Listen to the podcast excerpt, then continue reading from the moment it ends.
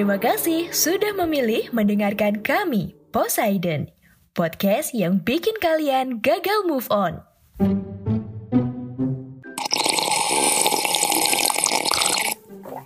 Ah.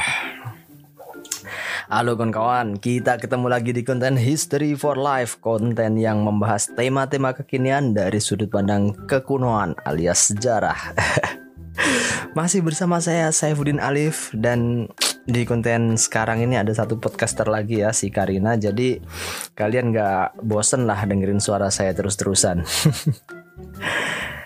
Oke kawan-kawan kali ini saya mau bahas tema yang lagi rame Yang lagi jadi perbincangan Gak cuma di Indonesia tapi juga di dunia.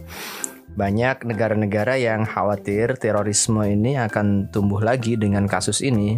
Ya apalagi kalau bukan soal Taliban take over Afghanistan Cuma saya nggak mau menerawang atau menganalisis soal ini ya Itu urusannya para akademisi ilmu politik lah Atau international relationship lah atau juga kajian Middle East. Kalau kita di Poseidon ini ya bahasnya sejarah aja, nggak ya boleh lah ntar kita kasih analisis dikit-dikit. Jadi gimana awal kemunculan Taliban dan gimana sih gerakan mereka ini?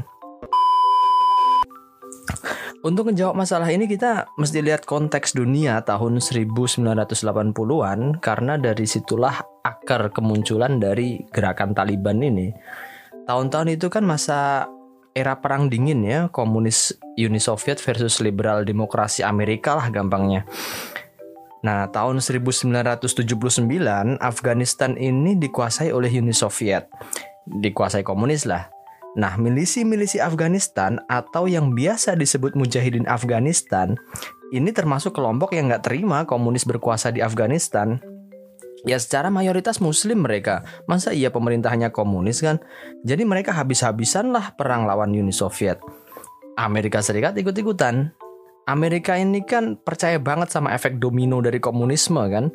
Kalau satu negara jatuh ke komunis itu bakal merembet ke negara-negara berikutnya Afghanistan jatuh ke komunis nggak bisa diterima oleh Amerika Akhirnya mau nggak mau Amerika dukung mujahidin Afghanistan buat ngelawan Uni Soviet dikasihlah itu mereka pelatihan, dikasihlah persenjataan dan sebagainya buat ngelawan Uni Soviet. Nah, mujahidin-mujahidin inilah yang nantinya mereka itu membentuk Taliban. Terus tahun 1992, rezim Muhammad Najibullah yang didukung Uni Soviet ini kan tumbang. Iya, iya sih waktu itu ada perjanjian damai antar kelompok di Afghanistan dan membentuk pemerintahan sementara. Cuma pemerintahan ini lumpuh sejak awal karena nggak bisa mengendalikan konflik antar kelompok yang semuanya ini pengen berkuasa di sana. Akhirnya terjadilah itu perang saudara. Perang saudara diperparah karena negara-negara lain pada ikutan. Iran misalnya dukung Hizbul Wahdat, Saudi dukung Ittihadul Islami, dan Pakistan dukung Hizbul Islam nama-nama yang didukung itu tadi itu nama partai politik ya. Dan mereka ini kelompok-kelompok yang ada di pusat Afghanistan di daerah Kabul. Cuma ya itu partai politik tapi mereka punya pasukan bersenjata semua. Ya emang negara keras ini. Nah yang nggak di pusat kota gimana atau yang di Afghanistan pinggiran? Mereka nggak tersentuh sama asing. Akibatnya kepemimpinan mereka dipegang sama pemimpin lokal ya namanya orang pinggiran mereka ini kan bisa dibilang orang-orang yang nggak terdidik dengan baik lah. Not well educated lah mereka ini. Pendidikan yang mereka terima ya sebatas pendidikan agama Islam yang sifatnya dogmatis. Gak heran juga banyak dari mereka yang masih buta huruf. Ya tapi justru karena latar belakang yang kayak gitu Mental perang mereka itu jadi gitu. Mereka nggak mikirin soal-soal duniawi kalau menang perang alhamdulillah, kalau mati itu jihad, masuk surga ketemu bidadari. Dahsyat kan? Cilakanya, Taliban itu muncul dari kelompok yang terakhir ini tadi. Mereka muncul ke permukaan tahun 1994. Nah, mereka ini akhirnya juga ikut-ikutan pengen berkuasa di Afghanistan dan mendirikan negara Islam dengan syariat Islam. Karena pemerintahan yang ada dianggap gak bener lah ketika itu. Nah singkat kata akhirnya mereka ini menang Taliban ini dan berkuasa di Afghanistan tahun 1996 Tapi yang jadi sorotan cara mereka meraih kekuasaan di Afghanistan yang mereka serang ini nggak cuma tentara lawan, tapi warga sipil juga diserang, perempuan juga diserang, anak-anak juga jadi sasaran. Barbar lah serangannya ini. Dan pas Taliban berkuasa, Afghanistan kondisinya itu parah. Mereka ini kan perang terus-terusan ya. Ya, at least 20 tahun lah mereka perang. Akibatnya apa? Akibatnya ketika mereka berkuasa itu, posisi Afghanistan air mengalir aja nggak ada. Ya air mengalir maksudnya air-air untuk kebutuhan sehari-hari lah. Listrik cuma dikit telepon dikit kebutuhan pokok kayak makan kemudian rumah itu juga terbatas. Angka kematian bayi tinggi angka kurang gizi tinggi. Kacau di Afghanistan ketika itu kacaunya lagi bantuan luar negeri itu banyak di stop sama Taliban karena dicurigai untuk jadi alat merongrong pemerintahan Taliban bengislah waktu itu Taliban. Sampai kemudian tahun 2000-an, Usama bin Laden, pimpinan Al-Qaeda itu kan datang ke Afghanistan. Hidup di sana, bahkan menikah sama anak dari tokoh Taliban. 2001, satu tahun setelah Usama itu datang, itu ada kejadian 9/11 kan di Amerika. Usama jadi tersangka. Taliban yang dianggap melindungi Osama kena batunya dia. Dihantamlah mereka sama Amerika. Dan sejak saat itu Afghanistan menjadi negara bonekanya Amerika. Amerika ini kan pengen Afghanistan jadi negara yang demokratis, yang bisa ngurus kehidupan mereka sendiri, tapi ya tetap mesti nurut sama Amerika. Makanya Amerika keluar duit banyak buat Afghanistan ini. Logistik dibantu, pembangunan dibantu, militer dibantu, dikasih pelatihan, alat-alat kemiliteran dikasih, duit dikasih, disuapi teruslah sama Amerika ini. Cuma 20 tahun Amerika nyuapin Afghanistan, mereka ternyata nggak maju-maju. Terus-terusan minta suap dari Amerika. Ya kalau kayak gini caranya tekor juga Amerika kan? Di sisi lain, Taliban ini nggak mati ketika mereka ditumbangkan oleh Amerika.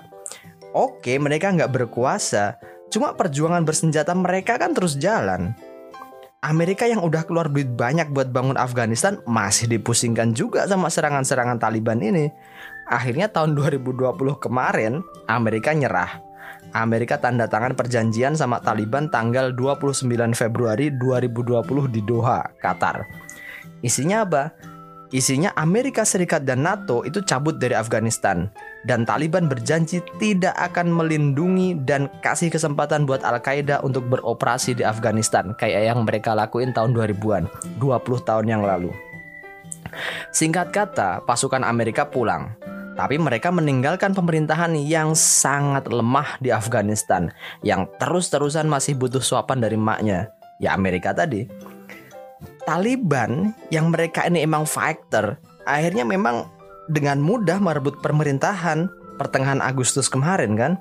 Agustus 2021 uniknya kali ini mereka ngomong bahwa mereka telah berubah.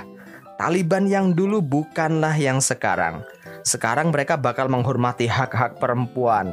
Mereka janji nggak beringas kayak periode 96-2001. Mereka janji bakal membentuk pemerintahan yang inklusif. Bakal ini, itu, ini, itu, dan sebagainya yang intinya bergerak ke arah positif. Pertanyaannya, apa iya? Ya banyak yang masih ragu juga. Soalnya siapa yang bisa jamin Afghanistan bakal ngelakuin itu kan?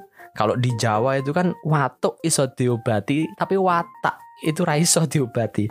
Artinya batuk itu oke okay, bisa diobati, tapi kalau soal watak ini susah berubahnya. Banyak yang ragu makanya kan. Nah sekarang sikap Indonesia gimana soal Afghanistan dan Taliban ini? Ya sikap kita sih masih wait and see ya. Nggak langsung mendukung, tapi juga nggak langsung menolak juga. Karena ya ya mesti hati-hati. Masalahnya ini kan kelompok-kelompok teroris banyak yang dapat inspirasi dari kemenangan Taliban di Afghanistan. Salah sikap bisa fatal akibatnya kita. Nah, ya ini sebenarnya masih panjang ya kajian tentang Afghanistan kalau mau kita bahas secara tuntas. Karena banyak pertanyaan-pertanyaan yang mesti kita jawab dari Taliban dan Afghanistan ini. Kayak misalnya Kenapa sih banyak negara ikut campur di Afghanistan? Sestrategis apa kawasan Afgan ini? Masyarakatnya itu kan masyarakat ya tanda kutip mereka masih not well educated lah. Tapi kenapa jadi bancaan negara-negara besar? Terus gimana masa depan pemerintahan Taliban di Afghanistan? Dan banyak pertanyaan yang mesti kita jawab. Cuma ya ya sayangnya nggak bisa saya omongin semuanya di episode ini ya karena kepanjangan ntar. Dan ya nanti kalau ada kesempatan kita ngomong lagi lah di episode yang lain soal Taliban ini secara lebih mendalam. Dan Ya, seperti itu sejarah singkat dari Taliban di Afghanistan. Semoga bisa nambah informasi bagi kita semuanya. Jangan lupa tetap jaga kesehatan, patuhi protokol kesehatan dengan 5M. Selama masa PPKM juga udahlah bayangin di rumah aja. Bareng-bareng kita usahain biar pandemi cepat selesai. Oke? Makasih, sampai jumpa. Terima kasih.